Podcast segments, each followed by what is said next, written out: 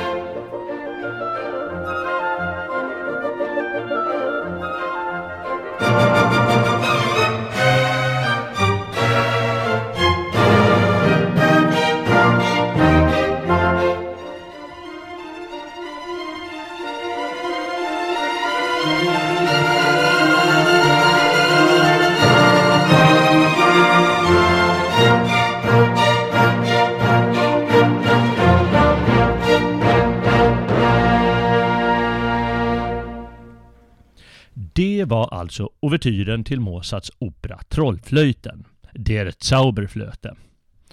Eh, eller hälften av den. Orkestern kör på ytterligare några minuter. Lade du också märke till kontrapunkten? Kontrapunkt är en teknik när man arbetar med musiken polyfont, något vi berörde i förra programmet. Alltså när varje röst eller instrument spelar sin egen melodi. Kontrapunkt är då en teknik att fläta samman de självständiga stämmorna på ett särskilt sätt. I det här fallet gör Mozart som i Broder Jakob ungefär. Han låter en ny stämma börja strax efter att en annan stämma har spelat en snutt. Flera instrument spelar således samma melodi fast börjar vid olika tillfällen.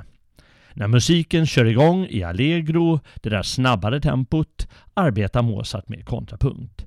Först hör vi fioler, Snart spelar en annan grupp fioler samma melodi i en annan tonart.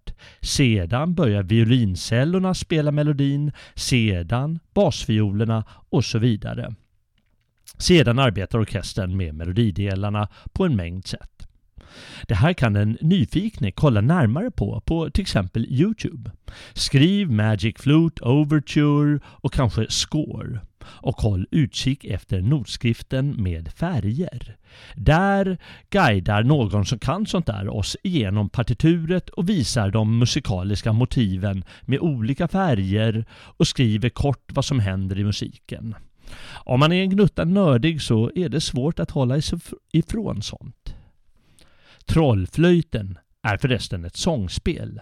Singspiel på tyska, som är en operaform där de har talad dialog mellan arior och ensembler istället för recitativ, sådan där talsång om ni minns från förra programmet. Det var Mozarts näst sista opera innan han tragiskt gick bort i sjukdom, enbart 35 år gammal. Då hade han fått ur sig 22 operor där åtminstone fyra stycken är absoluta mästerverk i operahistorien. På tal om mästerverk. Det är väl lika bra att vi tittar på de där, de där listorna om vem och vad som är bäst. Då blir det lite angenämare stämning när vi tittar på operahistorien mellan 1750 och 1900. Och bästa opera är inte Trollflöjten, men väl en annan opera av Mozart, nämligen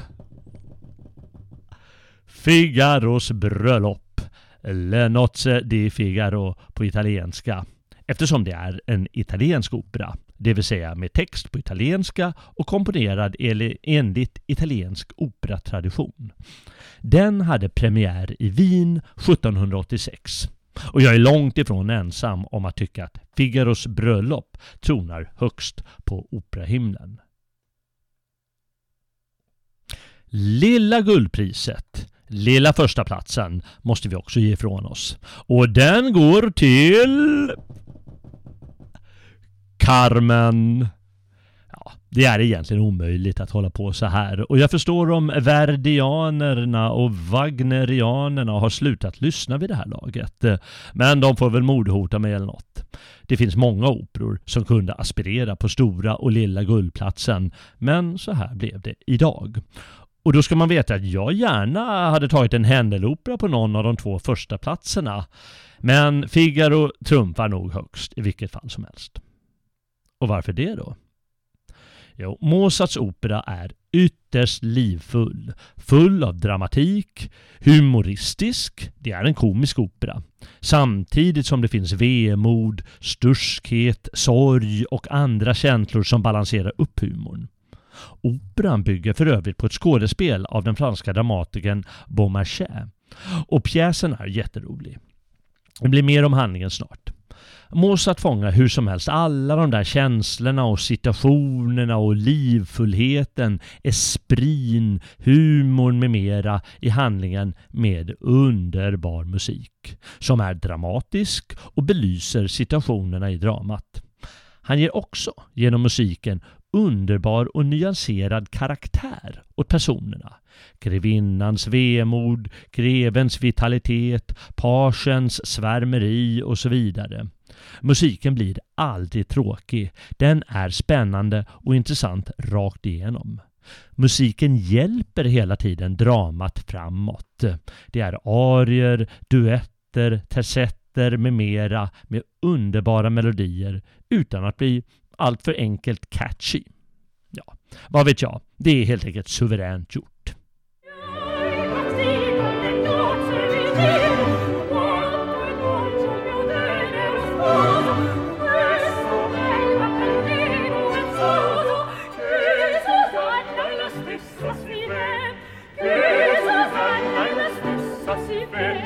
Susanna, Susanna, è la stessa,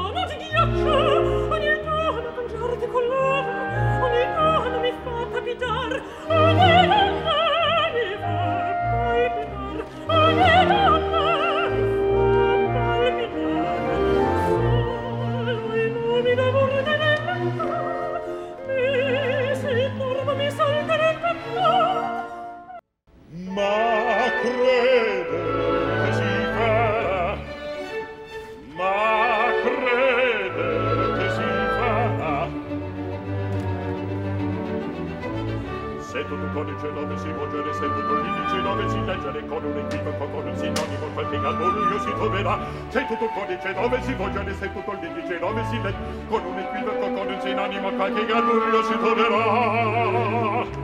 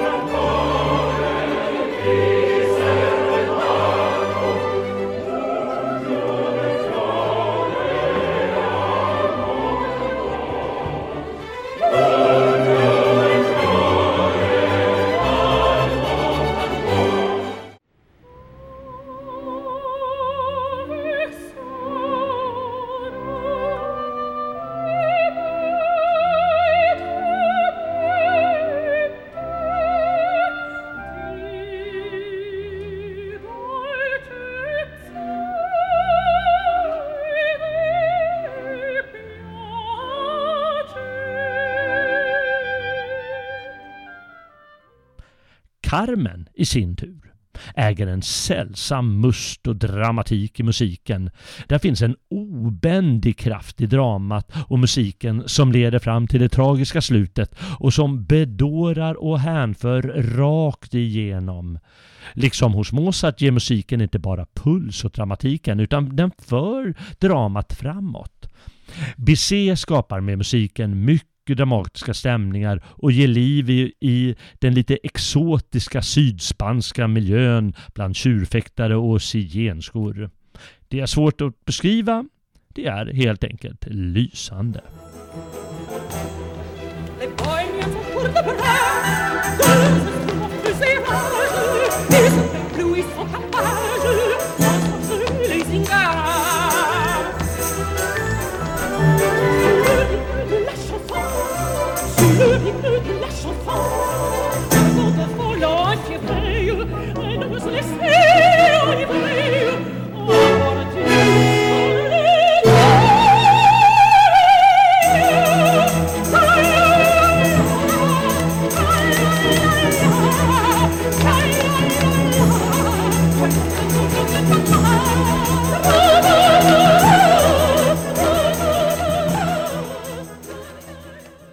Men vem är egentligen bäst på att komponera operor?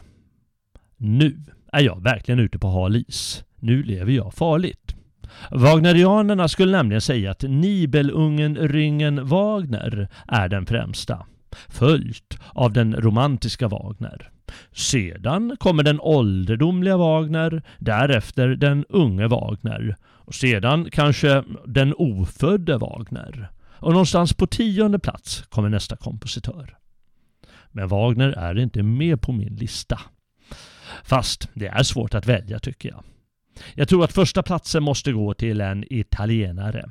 Det är ändå de som uppfann operagenren och på något sätt är hela fenomenet opera italiensk.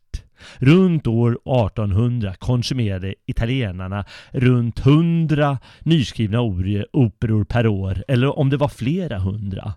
Och det var kanske ännu värre hundra år tidigare. De har alltid varit galna i opera och är förstås mästare i den där konsten. Därför tillfaller lagerkransen, om än blott idag, Giuseppe Verdi. Han är väldigt bred i sin operakonst, kanske bredast av dem alla. Hans operor klingar var och en annorlunda än den andra. Han har många mästerverk. Han har alltid fängslande arior, ensembler och körer med i sina operor. Och inte minst förstår han sig på dramatik.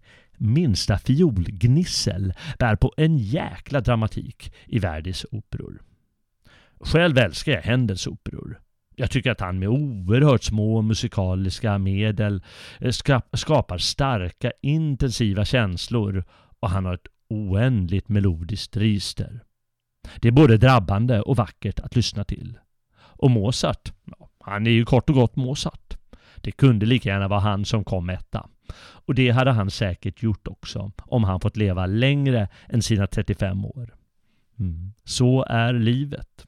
Och döden. Precis det som operor är fulla av. Vilken ska man börja med då? Jag tycker att man lämpligtvis startar med La Bohème av Puccini, La Traviata av Verdi eller Carmen av Bizet. Kanske kan man ta Rigoletto av Verdi om man vill ha en lite fränare handling. Trollflöjten går också utmärkt, men jag kommer ihåg hur en vän gick i pausen.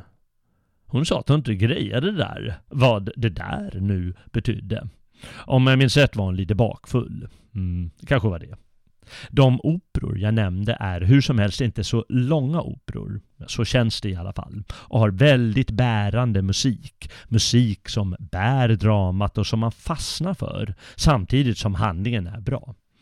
Ett par riktigt mustiga nybörjaroperor för den som gillar humor eller romantik är också Barberaren i Sevilla av Rossini och Kärleksdrycken av Donizetti.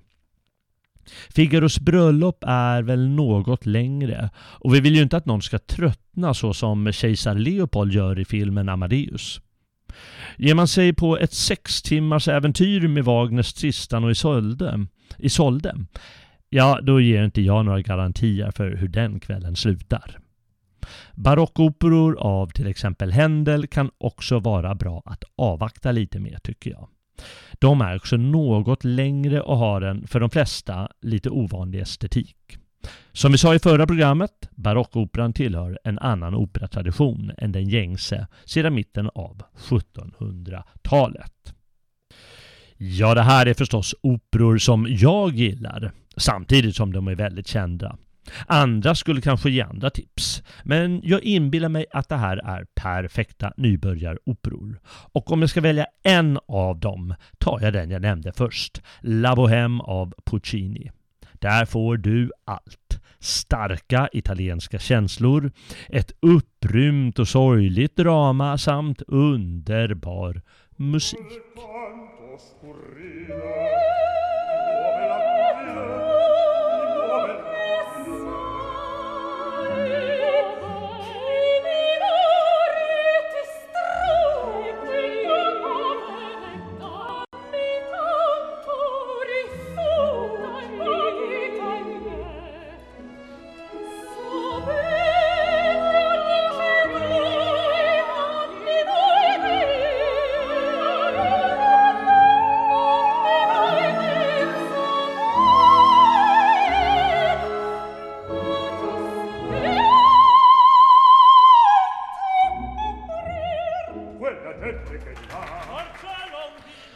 Värt att säga är också att opera passar bäst på Operan live.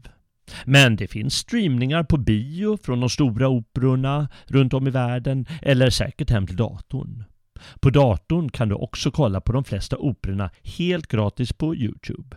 Då ser man ju också hur lång den är. Vilket kan vara ganska skönt, även om det kan stå rätt olika beroende på om pauserna är medräknade eller så. Vissa operor finns också inspelade som film.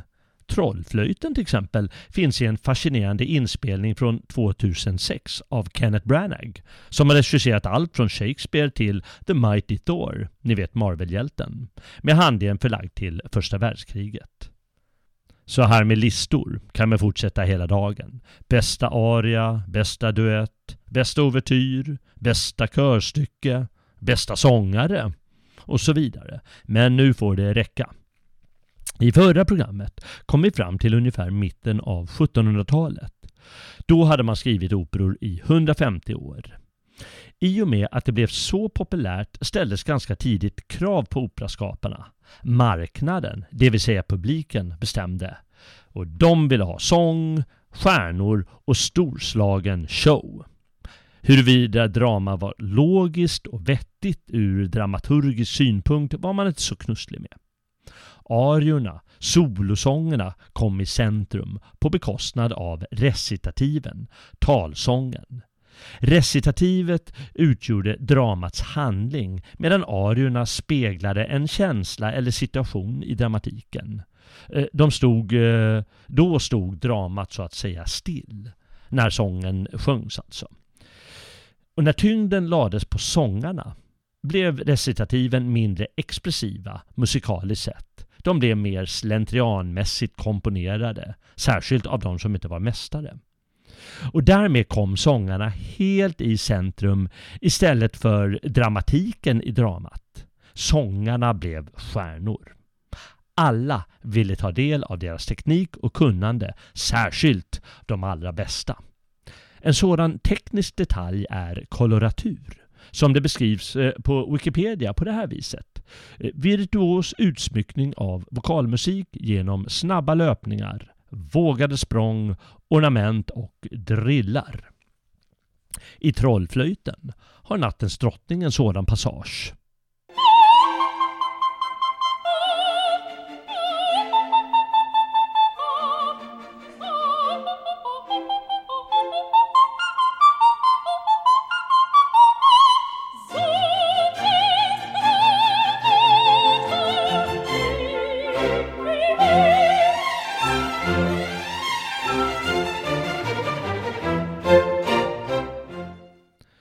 Drygt 50 år tidigare bjöd Vivaldi på härlig koloratur i operan Griselda från 1735.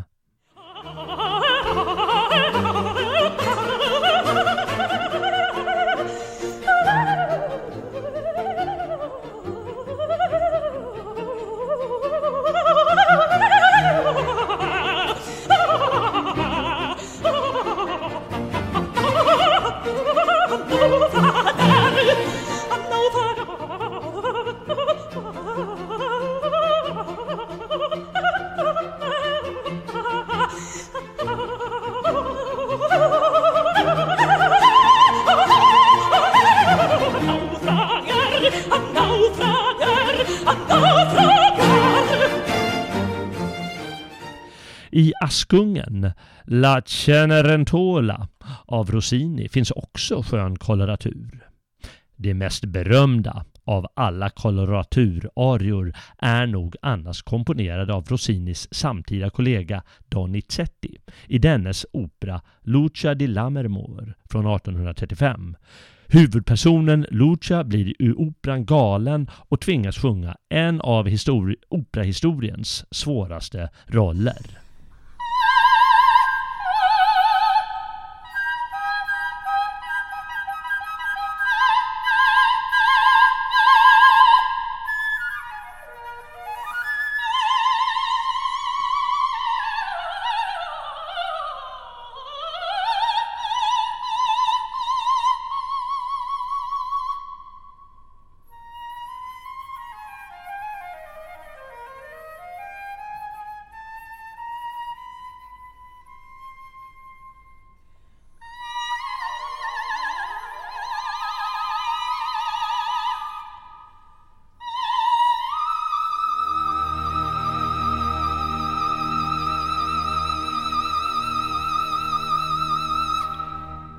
Tanken är självklar.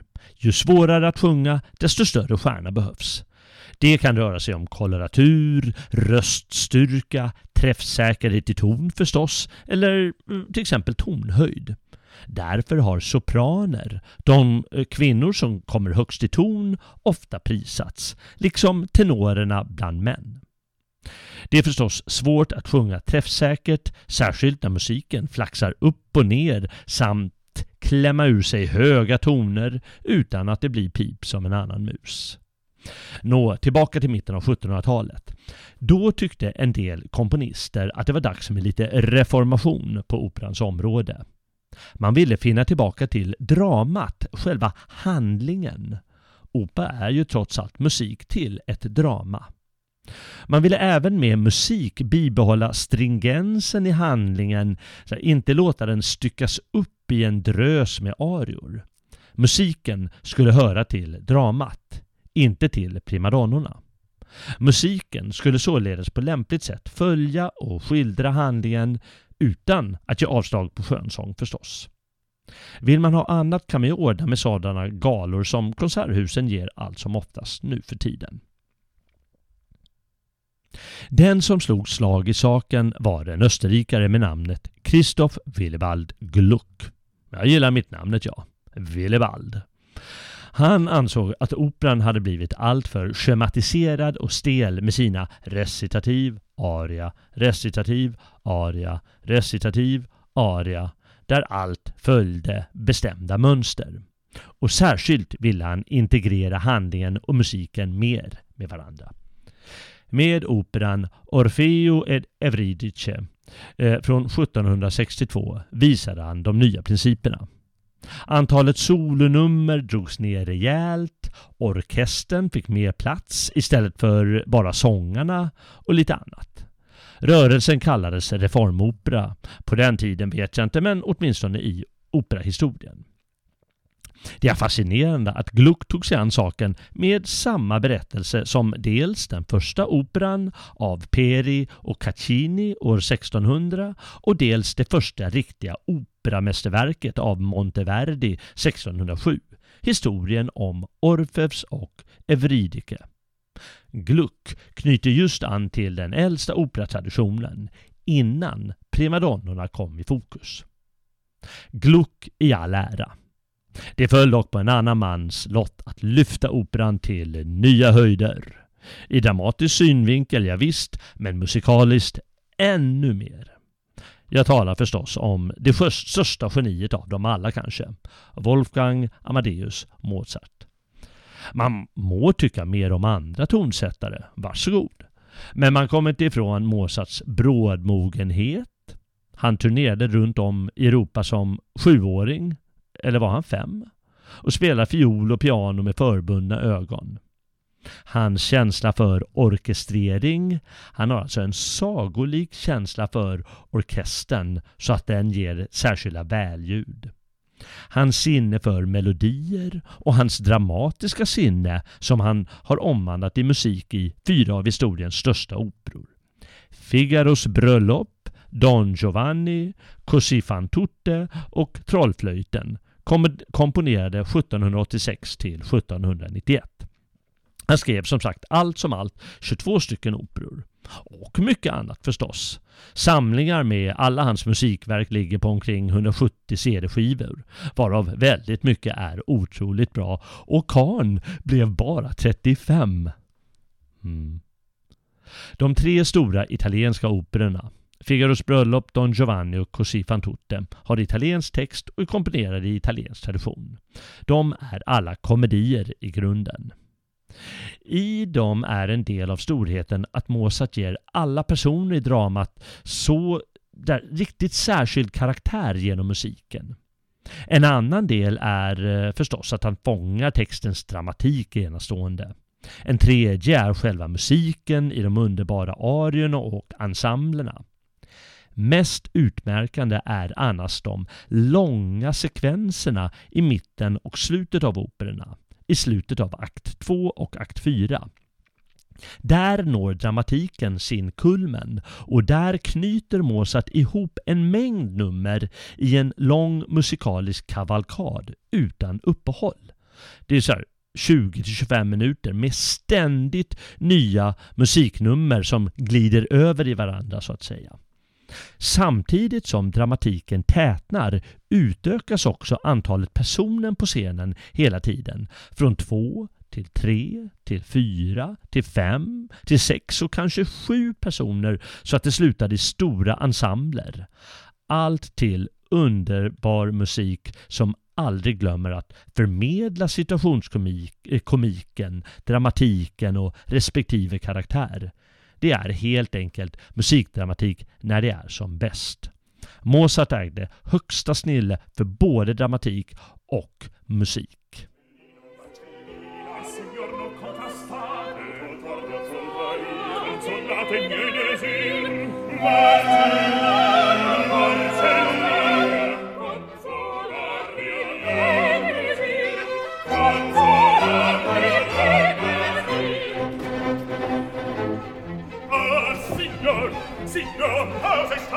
Che insolente, chi fece, chi fu? Come?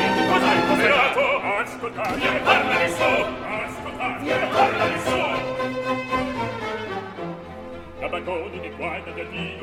Di di di del e poc'anzi Det var en snutt från slutet av andra akten i Figaros bröllop, som av många, mig inklusive, eh, räknas som operakonstens absoluta höjdpunkt. Handlingen i de tre operorna är också eh, underbara får man säga. I Figaros bröllop, som alltså är baserad på en pjäs av fransosen Beaumarchais, ska greve Almavivas bekänt Figaro gifta sig med grevinnans husa Susanna. Men greven, han är lite sugen på det där Susanna. Och samtidigt är han misstänksam mot sin page som suktar efter grevinnan. Figaro i sin tur blir nästan insnärd i ett tvångsgifte med en annan gammal tant eh, innan allt löser sig efter 71 förvecklingar. Don Giovanni det handlar om kvinnotjusaren Don Juan, på italienska Don Giovanni, som efter en rendezvous som rent av luktar lite försök till våldtäkt hugger ner tjejens far, som alltså dör. Och efter alla handa förvecklingar går Don Giovanni förbi en staty av mannen som han har savlat ner. Och statyn, den börjar prata med honom. Varpå Don Giovanni störst bjuder hem statyn på middag. Och denne kommer verkligen och drar till slut ner Don Giovanni i helvetet. I Così fan tutte, där står en upplysningsman vad med två unga herrar, att deras tjejer kan falla för vem som helst. Mm -hmm deras karaktär det beror bara på tillfälliga händelser menar han. Medan killarna, de är förstås övertygade om sina tjejers trohet på grund av deras fasta karaktär och killarnas excellens förstås. Killarna låtsas därför gå i fält och återvänder sedan det har de gjort upp med, med den här upplysningsmannen alltså. Återvänder sedan utklädda till albaner av allt här på jorden. Ja, det var tidens exotiska modefolk i Italien. Det ligger ju inte så långt från Italien, det är ju andra sidan Adriatiska havet bara. Respektive man raggar nu på den andra killens tjej för att se om hon kan lockas. Och mycket riktigt faller båda tjejerna till slut för de nya männen. Varpå allt avslöjas och ja, alla skrattar åt den knasiga historien. Och Don Alfonso, Don Alfonso, upplysningsmannen, han vinner sitt vad och kan säga Così fan tutte. Så gör de alla. Kvinnorna alltså. Ja, bedrar sina män alltså. Trollflöjten har en annan karaktär. Det är ett sångspel eftersom de talar vanligt, eh, alltså vanlig talad dialog mellan arierna istället för att talsjunga de här recitativen. Och den är på tyska. Den operan är nog också mer känd, inte minst på grund av Ingmar Bergmans filmatisering som slog oerhört stort i världen eftersom han var en av världens berömdaste filmregissörer. Operan handlar om hur prinsen Tamino vinner flickan Pamina genom att klara av trollkaren Sarastros vishetsprov. Denne baktalas först av Paminas mor, nattens drottning, men det visar sig att hon är en skurk. Tamino han får hjälp av fågelfängaren Papageno som trots misslyckat prov vinner sig en papagena på slutet. Och med sig har han också en magisk flöjt. Det är en underbar blandning av saga, allvar, familjeproblem. Bergman han lägger tyngdpunkten på det. Visdom och humor. Taminos äventyr må stå i centrum, men de flesta har älskat den stolliga Papageno. Han får bland annat en munlås på sig eftersom han ljuger titt som tätt och han fattar ingenting av Sarastros prov. Hur knasig han än är så får han ändå sig sin Papagena till slut. pa pa pa pa pa pa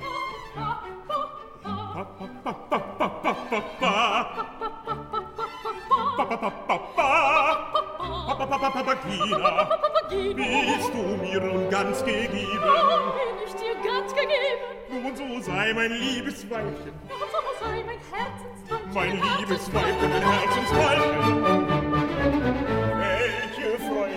Das sein, Welche Freude wird das sein? wenn die Götter uns bedenken, Wenn die Götter uns bedenken. unserer liebe Kinder schenken, unserer liebe Kinder schenken, so liebe kleine Kinderlein, Kinderlein, Kinderlein, Kinderlein, so liebe kleine Kinderlein, so liebe kleine Mozart visar sitt intresse för själva dramats handling, bland annat genom att inte bara låta sångarna sjunga solo, utan ofta, väldigt ofta faktiskt, sjunga i ensembler. När de sjunger i duetter eller fler, då interagerar personerna fortfarande trots sången som så att säga avbryter handlingen.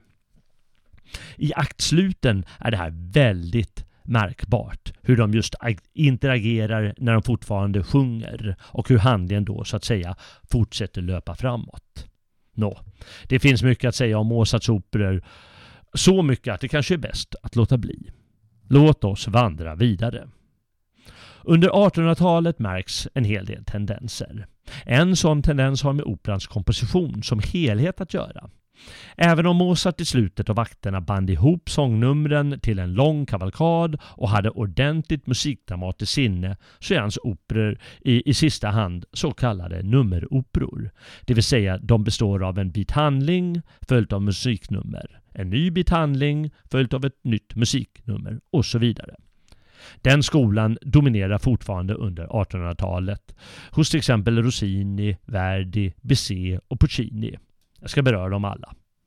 Fast, un, fast precis som Mozart bemödar de sig att foga in sång och musik i handlingen så att det skapas en helhet.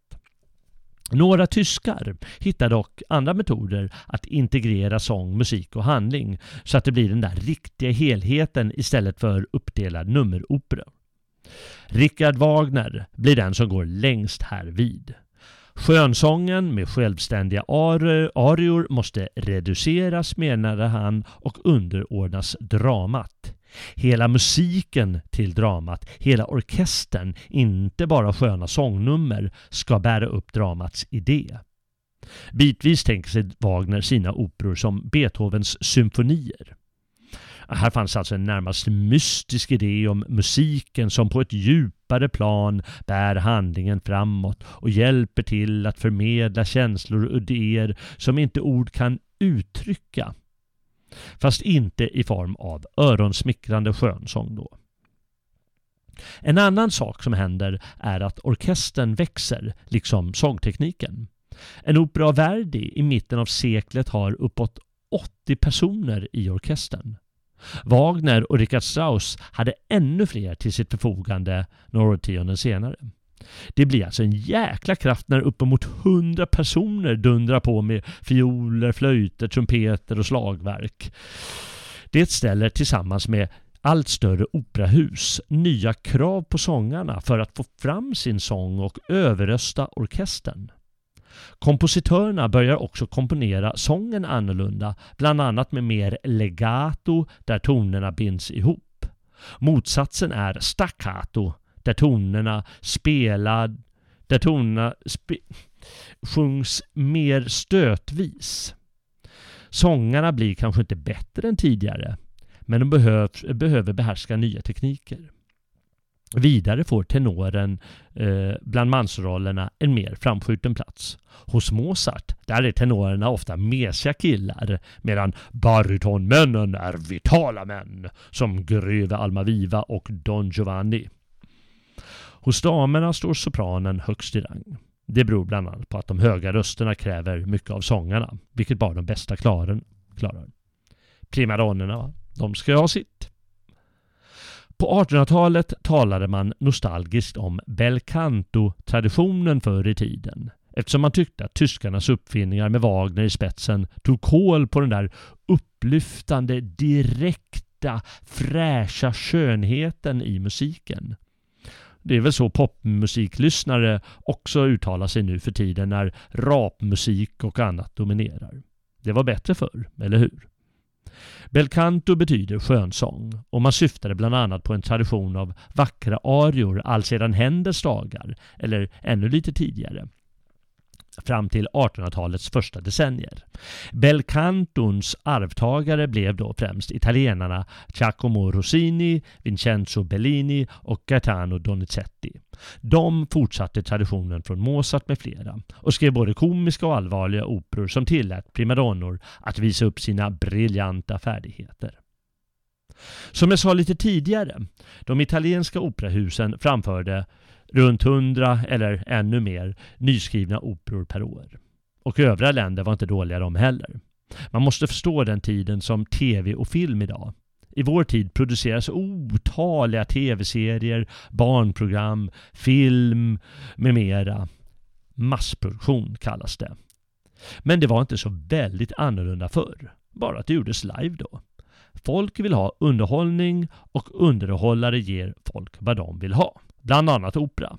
Vissa är mästerverk och vissa är ja, massproducerat skräp. Särskilt en äldre tradition visste hur man producerade snabbt. De var tvungna att göra det. Mozart var inte ensam om att producera mängder av verk. Så gjorde alla på den tiden. En Rossini, Bellini och Donizetti, de bästa italienska operakompositörerna 1810 till 1840 skrev sina operor enligt den gamla stilen, snabbt och effektivt. Rossini skrev 1812 fem operor. Året därpå fyra stycken. Då var han 20 till 21 år gammal. Och så fortsatte han i viss mån genom livet. Vissa kompositioner var förstås som ett sitcom-avsnitt, men många var bra och enstaka mästerverk. Det var snarare en tysk idé som kom ungefär samtidigt som menar att man skulle komponera en unik, djupt originell skapelse med mycket möda. Men Rossini och company de komponerade enligt gammal modell. En opera låg färdig på ett par tre veckor.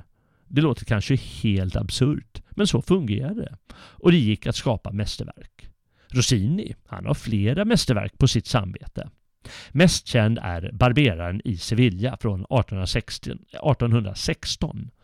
Operan bygger på en pjäs av samma Beaumarchais som Mozarts Figaros bröllop. Beaumarchais skrev faktiskt flera skådespel om Figaro och greve Almaviva. Rossinis opera utspelar sig före handlingen i Figaros bröllop och är, är även den en komedi. Kompositörerna tog vad librettister erbjöd och vad de tyckte mest om. Och man ska inte glömma att samma libretto användes otaliga gånger av olika kompositörer, kanske något redigerat bara. Så var det förr när opera massproducerades och likväl kunde bli mästerverk. Man brukar hur som helst kalla första hälften av 1800-talet i italiensk opera för bel canto-tiden. Och många kompositörer skrev just skönsång. Underbara arior, gärna för stjärnor om sådana fanns tillhanda. Om inte i Italien så någon annanstans, kanske på ett annat språk. I Paris eller i Wien och så vidare där det fanns publik. Men de hade lärt sig av Gluck och Mozart att skapa bra musikdramatik, inte bara en rad stora sångnummer. Även om enstaka nummer stack ut särskilt. Ett sådant nummer är Una furtiva lagrima, som betyder en förstulen tår, sjungen av huvudpersonen Nemorino, tenor, i Donizettis romantisk komiska opera Kärleksdrycken, vackert ackompanjerad till bland annat harpa. Den har sedan premiären 1832 blivit en av tenorernas absoluta favoritaria.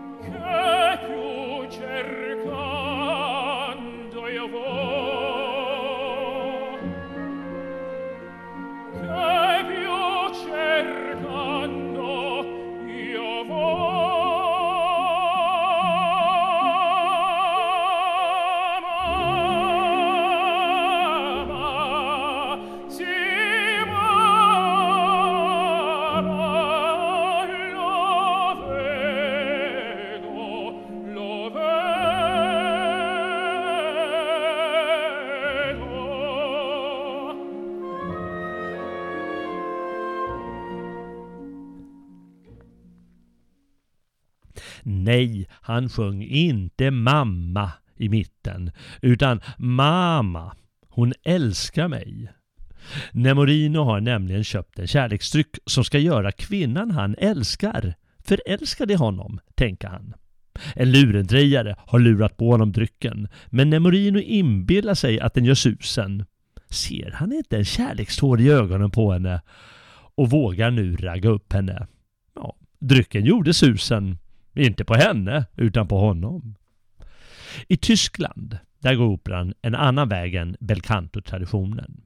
Carl Maria von Weber sätter ribban i början av 1800-talet, särskilt med operan Friskytten, men det är Richard Wagner som revolutionerar operakonsten med en närmast manisk glöd, oerhört stor självupptagenhet och en fascinerande idérikedom. Fascinerande nog hade han bara något års professionell musikutbildning. Det mesta kom inifrån honom själv. Wagner liknade många andra operatonsättare i sina första operor på 1830-talet och hade en, en och annan succé. Men allt eftersom strävade han efter att höja operan från underhållning till något större. Något som skulle omstörta samhället och ge människan en ny andlig grundval. Wagner var revolutionär, från början socialistiskt lagd, men med tiden mer nationalistisk. Hans socialistiska patos, det märks dock ännu i hans relativt sena verk Nibelungenringen. där kapitalistisk pengalystnad och maktbegär för gudarna, för gudarna, orden och gänget till undergång. Gudaskymning, Götterdämmenung. Eller som vi nordbor brukar säga, Ragnarök. För sitt syfte att omdana människan drömde Wagner om allkonstverket, där musik, text, dramatisk handling, skådespelarkonst, myt, scenografi med mera samarbetar. Han har själv skrivit åtskilliga teoretiska skrifter om sina idéer. Ett par övergångsverk mot hans nya stil var operorna Tannhäuser och Lohengrin där han hämtade motiv från tyska sagor och legender och skrev egna libretton. Men succén uteblev. Tannhäuser blev rent av fullständigt nedsablad av kritikerna och en oförstående publik. Gräslig, obegriplig, misslyckad, oskickligt koncipierad produkt, skrev någon om Tannhäuser-ouvertyren. Resten av operan hade åskådaren ännu svårare att fångas av. Det berodde på att han undvek recitativ aria-principen utan lät deklamation och sång flyta ihop. Lite som i de första operaförsöken på 1600-talet, fast i en helt ny musikalisk form. En liten utvikning här bara. Många operor som i efterhand räknas som mästerverk har gjort fiasko på premiären. Många har uttalat sig putslustigt eh, därom, ofta utan att tycka om operan i fråga eller för den delen någon opera alls. Men de, den där sortens personer har aldrig förstått varför en opera, som senare bedömts som ett mästerverk, på premiären har kunnat slå så fel. Skälet till fiaskon kan faktiskt vara många, hur mycket mästerverket än är. En sångare kan vara bakfull eller sjuk och så måste man kasta in en, en kass ersättare. När han eller hon inte kan måste kompositören skriva om lite i styckena. Och sen kanske är publiken oförstående. Kanske kritikerna. Och så vidare. Inom popmusiken har man ofta talat om de tre T'na. Talang, tid och tur. Där talangen bara är en liten del. Det vill säga hur talangfull du än är som låtskrivare eller sångare måste du ha tidpunkten och turen på din sida för att slå igenom. Och en opera är beroende av bra många fler faktorer än en poplåt. Hur som helst, Lohengrin den gick lite bättre. Fast även här experimenterade Wagner flitigt med musiken, inte minst med orkesterns klanger. Wagners mål det var att åstadkomma, inte slutna nummer alltså, utan musiken skulle vara en enda lång ström Sångerna blir därför långa och utdragna och de ska helst med hjälp av orkestern gå över i nya scener. Handlingen ska löpa fram som ständigt rinnande vatten istället för upphackat i småscener formade kring recitativ och arior. Ändå är det mest älskade avsnittet i Lohengrin ett ganska slutet nummer, nämligen brudmarschen, som väl alla har hört.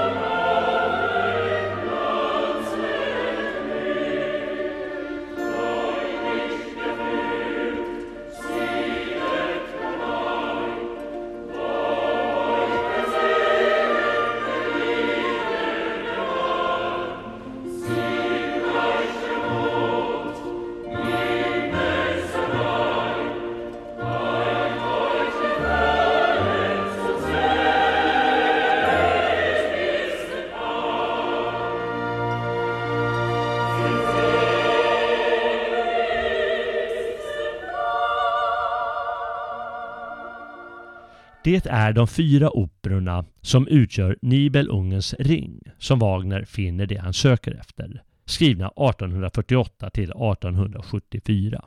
Renguldet, Valkyrian, Sigfrid och Götterdämmerung. Motiven hämtade han från Eddan, Völsungasagan och det tyska medeltidseposet Nibelungenlied.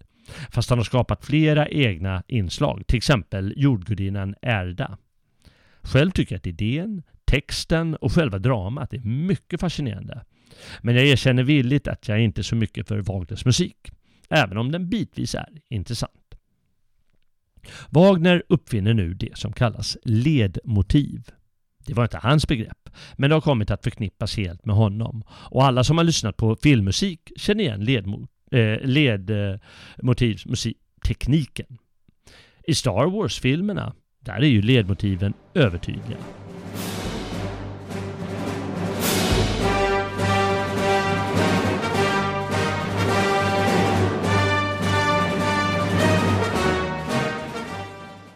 Det är alltså musikaliska element som återkommer genom operan för att förmedla en idé, känsla, stämning och dylikt på ett djupare plan än en sång till en vacker melodi kan, menar Wagner. Det kan vara en ackordföljd, några toner av ett visst instrument. Hornet har till exempel en alldeles särskild plats i tysk opera. Det kan vara en särskild rytm med mera. Ledmotivet uttrycker något karaktärerna inte kan säga. Så tänker jag Wagner säger. Men det binder också ihop operan till en helhet. Det där går förstås inte att förklara utan musikexempel. Men hur ger man exempel från Nibelungen-operorna med nummer som aldrig tar slut? För den som vill lyssna och titta fungerar den första operan Renguldet utmärkt. Där arbetar Wagner flitigast med sina idéer. Operorna blir sedan längre och längre. Götterdämmerung betingar sina nästan sex timmar med pauser. Wagner hade det inte alltid helt lätt. Revolutionsåret 1848 var han till exempel på grund av sin revolutionära inställning tvungen att fly till Schweiz. Men han var envis som en åsna. Hans idéer skulle bara manifesteras på olika sätt. Och det var många som fastnade för dem. En sådan var Friedrich Nietzsche som dedicerade sitt första filosofiska verk, Tragedins födelse, till Richard Wagner. För den unge Nietzsche var Wagners musik, precis som kompositör, kompositören själv ansåg, ett sätt att väcka livet i oss på ett djupare plan. Ungefär som Nietzsche menar att den grekiska tragedin gjorde med antikens människor. Nietzsche tänkte senare om, särskilt sedan bevistat spektaklet i Bayreuth och tyckte hur, tyckte att Wagner börjat anamma livsförnekande idéer från kristendomen. Det får vara hur det är med den saken. Wagner, han fick i alla fall sina gynnare till slut. Ludvig II, kungen av Bayern, lockade i mitten av 1860-talet Wagner till sitt hov och bjöd honom att sätta upp, upp, sätta upp sina uppror i München. Ludvig älskade Wagners operor och i sitt uppförda slott Neuschwanstein är olika rum praktfullt dekorerade efter handlingen i de olika operorna. Sedermera kunde Wagner med finansiellt stöd grunda ett operahus i staden Bayreuth eh, i nordöstra Bayern. Där hålls årligen Bayreuthfestspel.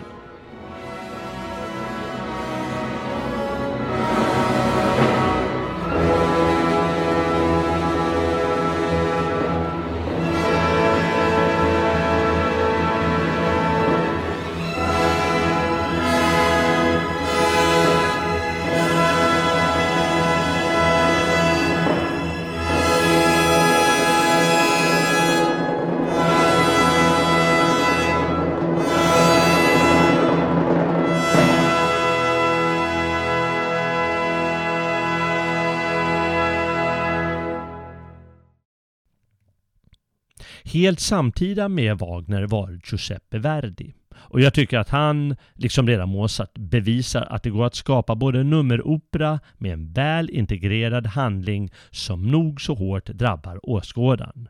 Precis så som Wagner ville. Det ska dock sägas att Verdis mödor på operan ibland liknar den säregna tysken, särskilt i sina sista operor. Verdi har i några operor motiv som återkommer genom en opera men det är, liksom, det är knappast några Wagnerska ledmotiv han använder. De flesta kompositörer på 1800-talet låter diverse musikaliska motiv lysa fram på olika ställen i operorna.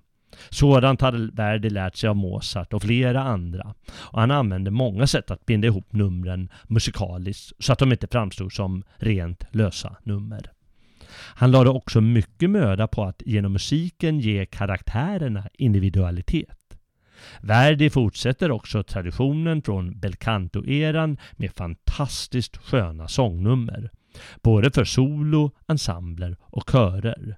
Men han är också mycket mån om att skapa ett fungerande drama med psykologisk trovärdighet. Det är snarare Verdis ambition, mer än att efterlikna Wagners ledmotsteknik. Det räcker med att lyssna på några operor av de två. Det finns inte särskilt mycket där som liknar varandra.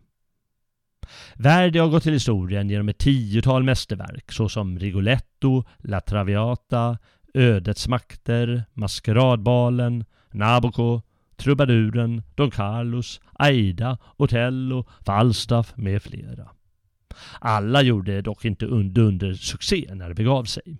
La Traviata, en av världens mest spelade operor, gjorde till exempel skandal eftersom huvudpersonen är eskortflicka, vilket var något för stötande för publiken. Där har vi det fjärde T. Det får ju inte vara tötande. Bestialiska mord gick utmärkt att skildra, som i hans Rigoletto. Men att sätta en hora i centrum, det var för mycket för publik och kritik.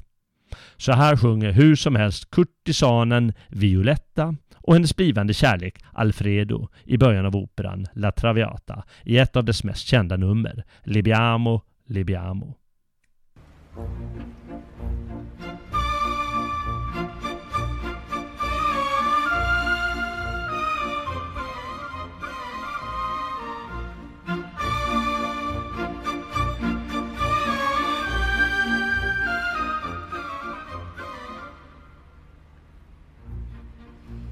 Libiamo, libiamo negli lieti calici che la bellezza infiora e la fuggevol, fuggevol ora si nebria voluta. Libiam nei dolci fremiti che suscita l'amore poiché quell'occhio al cuore potente va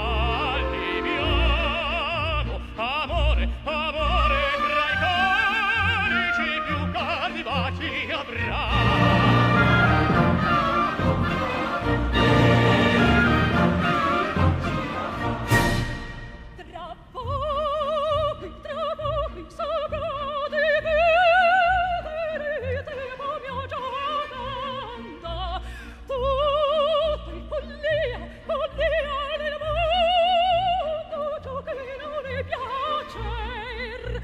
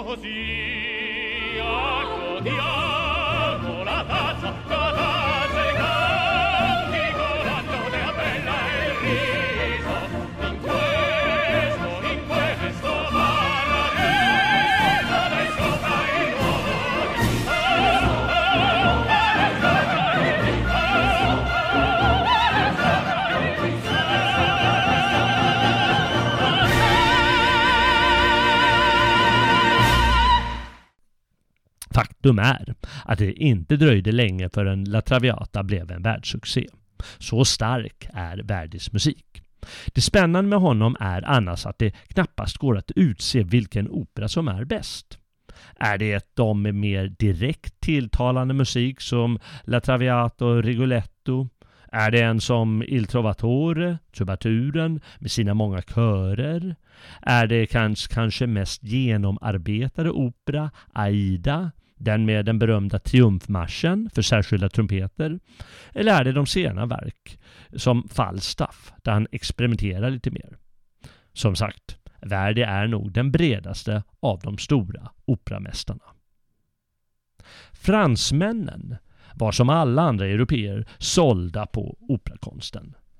Paris var kanske den mest centrala operascenen under 1800-talet på hela kontinenten dit italienska och tyska kompositörer flockades, liksom sångstjärnor från hela Europa. Fransoserna själva hade dock även de en musikalisk ådra med goda traditioner. I Frankrike hette de två främsta operagenrerna Grand Opera och Opera Comique. Grand Opera använde recitativ i dialogerna och under 1800-talet blev det till mastodontopera med jätteorkester och spektakulär framställning. Stora fartyg kunde fösas in och ut på scenen. Scenerier från all världens hörn syntes. Stora körer utklädda till allt möjligt tog plats på scenen. Helst skulle Grand Opera också ha ett allvarligt ämne. Opera Comique använde talad dialog. Men det var inte alls nödvändigt att ha komisk opera. Carmen tillhör till exempel opera comique-genren men har nog så allvarligt tema och sorgligt slut. Slutligen var operett en lite kortare opera, en genre som såg dagens ljus i Paris. Några kända franska operakompositörer på 1800-talet är Hector Berlioz, Charles Gounod, Jacques Offenbach, Jules Massenet, Leo Delibes och naturligtvis Georges Bizet.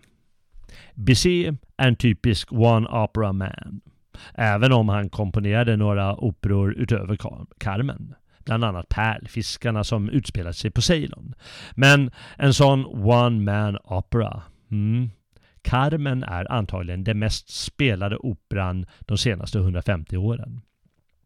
Bizet använder som många andra då gärna exotiska motiv och Carmen är ett sådant. Det kanske inte är så långt till södra Spanien från Paris, men den sydspanska miljön var ändå relativt exotisk för vanliga borgarbrackor i Paris.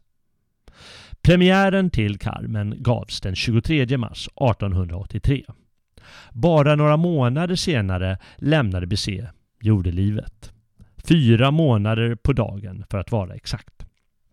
Premiären blev långt ifrån succé, snarare ett halvfiasko.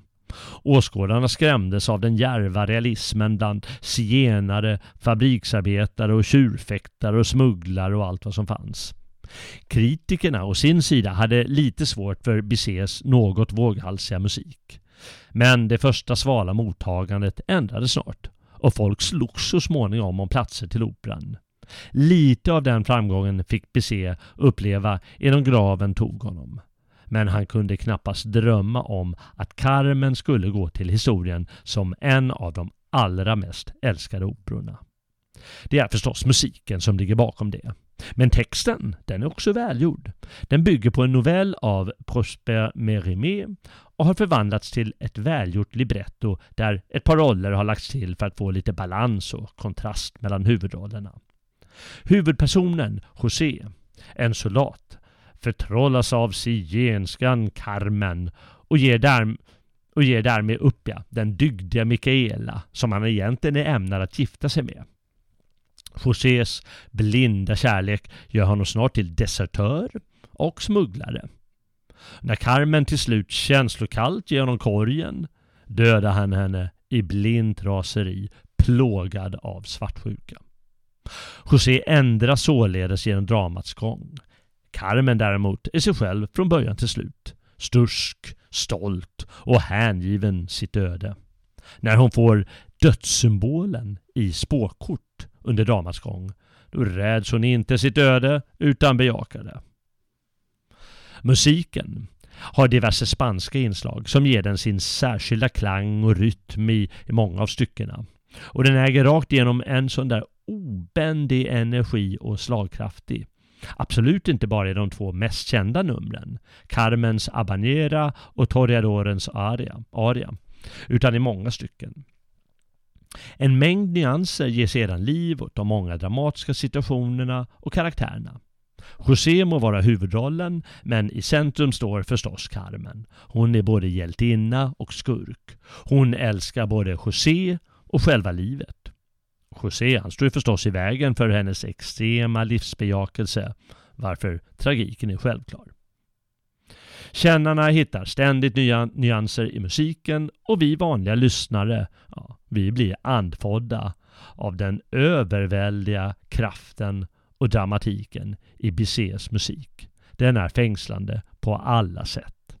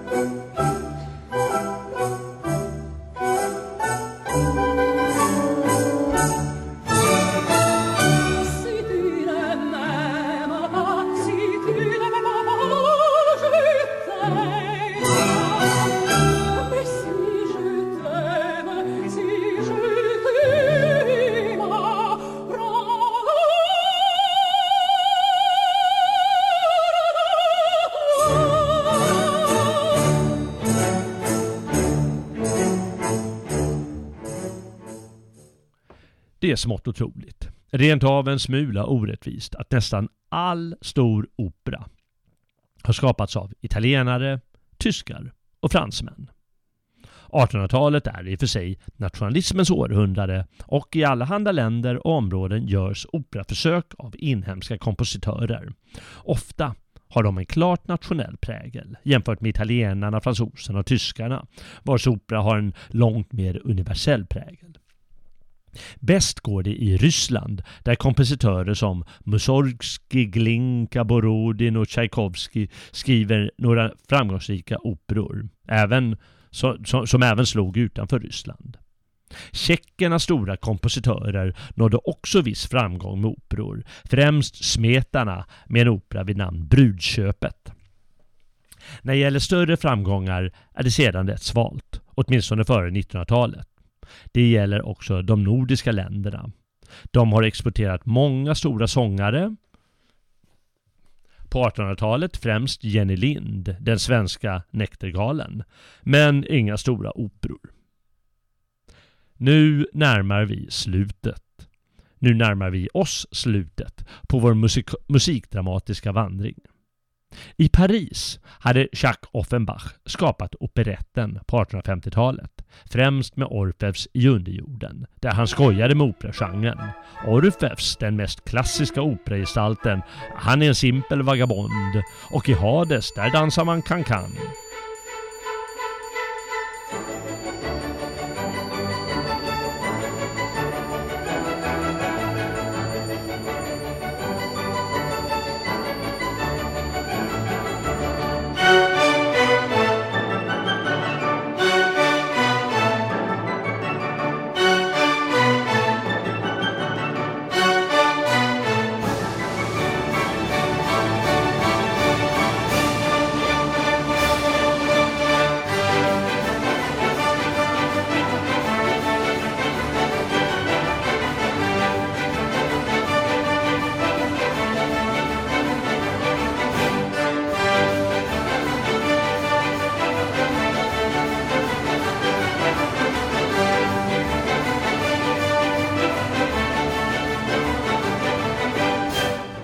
Operetterna som senare följde var också skojglada, lättsamma stycken.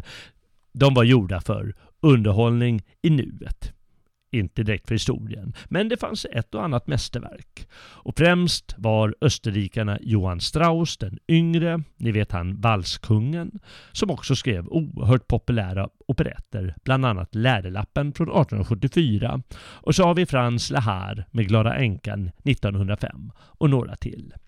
Men jämfört med de andra stora operorna så tycker jag att man måste se det som underhållning. Mot slutet av 1800-talet började allt fler kompositörer experimentera med musiken. Den stora stilen, som hade funnits i 300 år, började lida mot sitt slut. Huruvida det här var en naturlig process ska vi låta vara osagt här.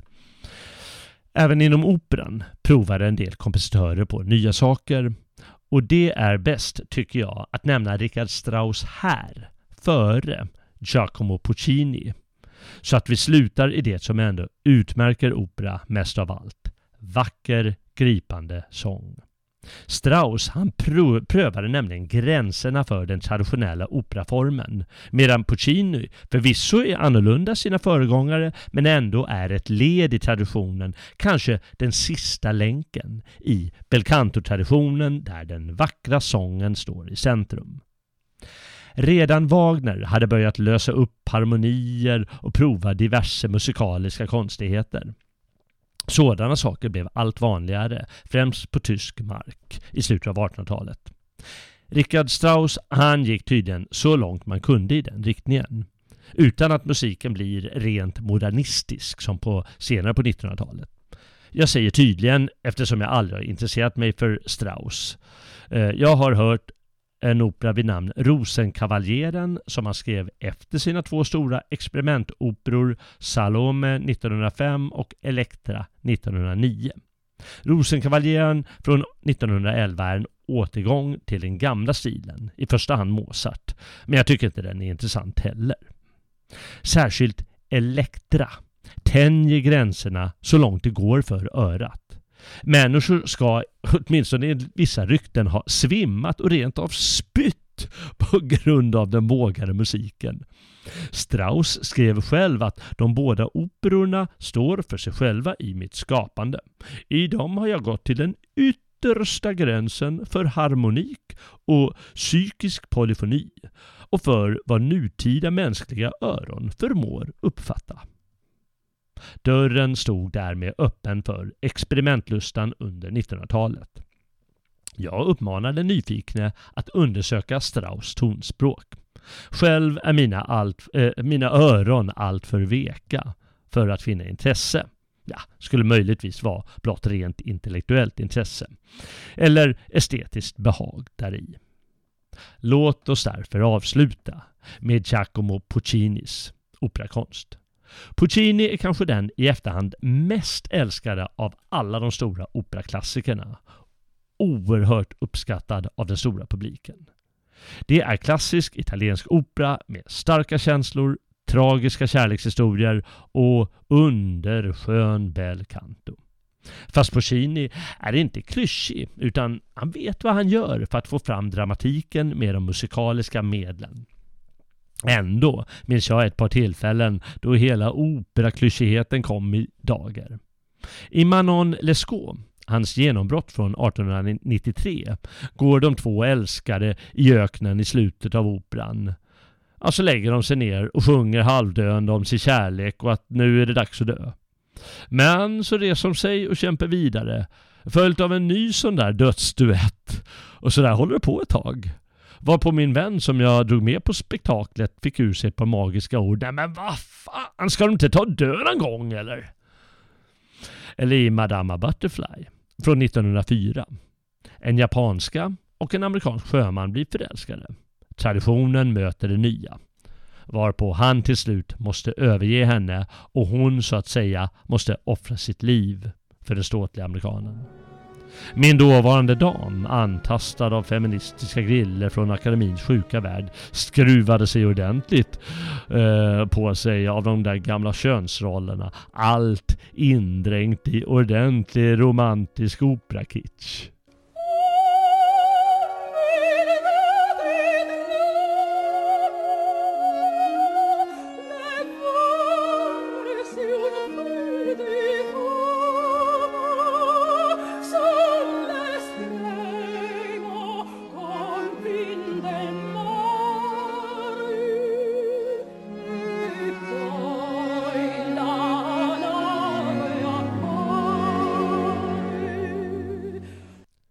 Men vadå? Sådan är operans värld. Och sanningen också, allt som oftast. Puccini må ha underbara belcanto-arior, men det är inga gamla rena nummeroperor. Musiken, den rör sig ständigt genom operorna och knyter ihop scener och sånger. Han bygger upp scenerna med stämningsfull musik, inte rena recita recitativ, och låter det hela kulminera i arior, duetter etc. Då låter han många gånger fiolstämmor backa upp rösten genom att spela samma melodi som sångaren. Melodin dubbleras således och det hela får i sin kulmen en oerhört stark effekt. Tosca från 1900 är väl Puccinis mest kända opera. Men jag är löjligt förtjust i La Bohème från 1896. Några ungkarlar lever bohemliv med älskarinnor en av dem, Rodolfo, finner en dam, Mimi, i operans början. Men hon är sjuk i lungsot. Ja, så är det. Deras möte i början, det är magiskt. Hon knackar på eh, dörren där Rodolfo bor med sina polare fast de är ute. Och då säger han Una donna. det är underbart. Ja, det är på något sätt så upplyftande i all sin lätta klyschighet. Hon kommer för att be om ljus då hennes ljus har slocknat. Stearinljus alltså. Hon tappar sen sin nyckel varmed Rodolfo lite snyggt sparkar bort den så att de måste leta. Han vill ha henne kvar. I mörkret, i och med att ljuset har blåst ut av draget och då när de kravlar omkring på golvet då känner han hennes hand. Hennes kalla hand. Hon har ju lungsot. Och följt av hans kända aria Kejilida Manina. Och vad kall ni är om handen. Och så blir de förälskade och det hela mynnar ut i en underbar stark kärleksduett. Den som inte går loss på den här scenen, han är banne med ors. Hur operaklyschigt det än kan kännas är det genom Puccinis musik helt underbart.